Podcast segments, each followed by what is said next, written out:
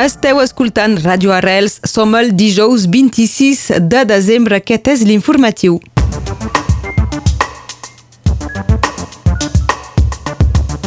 Ha estat el Nadal més càlid a Catalunya Nord des de que se fan registres, però no és un rècord absolut pel mes de desembre.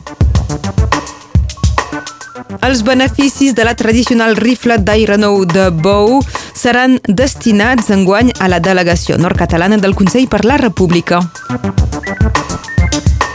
Els locals del diari L'Independent acullen a partir d'avui i durant un mes una exposició de fotografies de les accions del tsunami democràtic titulada Llibertat.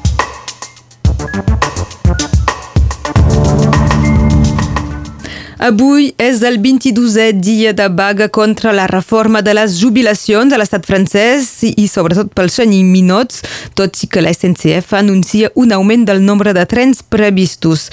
De totes maneres, es recomana als usuaris informar-se a través del siti internet o de l'aplicació per mòbils abans de desplaçar-se fins a l'estació.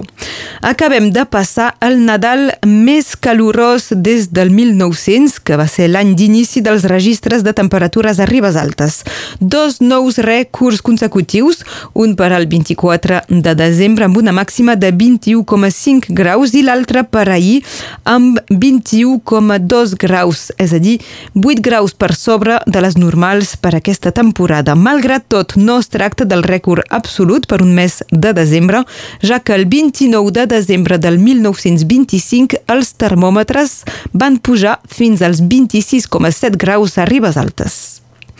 Eleccions municipals a Torrelles, Caterina Mamontov ha anunciat que encapçalarà una llista sense etiqueta, mentre que a Traceres és l'actual batlle, Joan Amorús, que ha anunciat que no es tornaria a presentar. S'havia fixat el límit de dos mandats. A Salelles, després de la decisió de justícia que demana l'Estat d'expulsar les caravanes instal·lades il·legalment sobre terrenys de l'Ajuntament abans del 3 de gener, els ocupants han anunciat que entre avui i demà marxarien perquè no volen ser expulsats per la, de manera violent.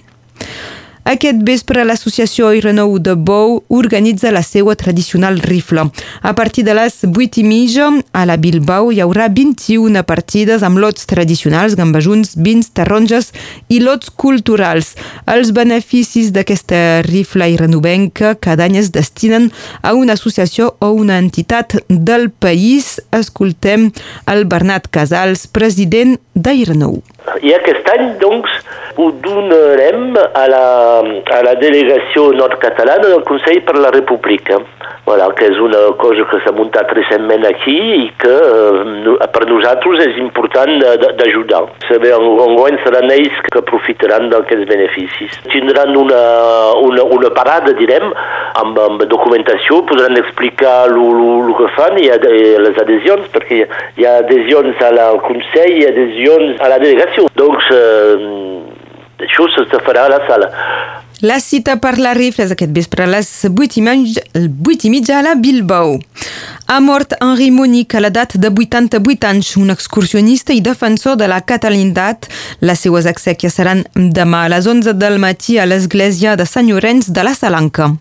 Allí va fer 86 anys de la mort del Francesc Macià, el que va protagonitzar els fets de Prats el 1926 i que va ser president de la Generalitat el darrer any de la seva vida, des del desembre 1932 fins al dia de Nadal del 1933, era anomenat carinyosament l'avi. L'actual govern de Catalunya li va retre homenatge ahir amb ofrena floral i discursos al monument que li és dedicat al cementeri de Montjuïc de Barcelona. Encara a Barcelona, des del 14 d'octubre, dia de la sentència contra el procés, cada vespre la Meridiana resisteix. Es tracta de la protesta més llarga, consisteix en tallar una de les principals entrades de la capital catalana. Allí, tot i ser el dia de Nadal, els manifestants també van fer aquesta acció per 73è dia consecutiu. El dia abans, una dona va resultar ferida lleu per l'atropellament d'un cotxe que va forçar aquest, aquesta acció, els Mossos d'Esquadra van poder identificar el vehicle amb la matrícula. A Venècia, la marea ha tornat a assolir un nou pic de 144 centímetres i ha inundat el 60% del centre històric. El nivell de l'aigua continuarà alt en els propers dies en plenes vacances nadalenques. Aquesta inundació arriba unes setmanes després de la del 13 de novembre, quan es va produir la segona marea més alta de la història d'ençà que es tenen registres a Venècia, és a dir, 187 centímetres. El Consell de Ministres italià va decretar l'estat d'emergència. Passem a la cultura. A partir d'avui i durant un mes, fins al 26 de gener, als locals de l'Independent es pot veure una exposició de fotografies de dos dels fotògrafs d'aquest diari.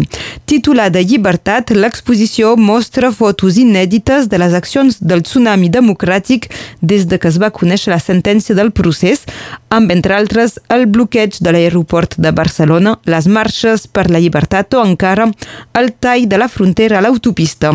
És el treball de Michel Clement Clemens i Nicolas Parent. Es pot veure cada dia de dilluns a divendres, excepte els dies festius. És als locals de l'Independent situats al 2 Boulevard dels Pirineus. Acabem amb esports i natació. El dia de Nadal a Barcelona se celebra cada any la Copa de Nadal.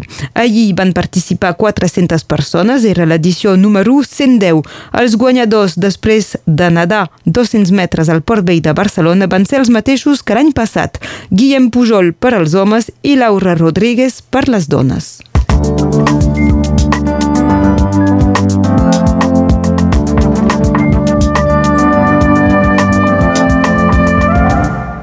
Passem a la previsió del temps amb l'Enric Balaguer.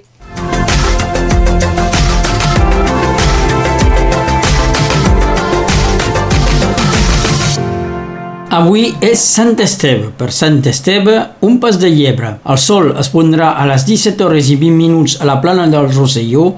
Guanyem només un minut de cara al dia de Nadal. La diada de Sant Esteve a Catalunya és un dia festiu.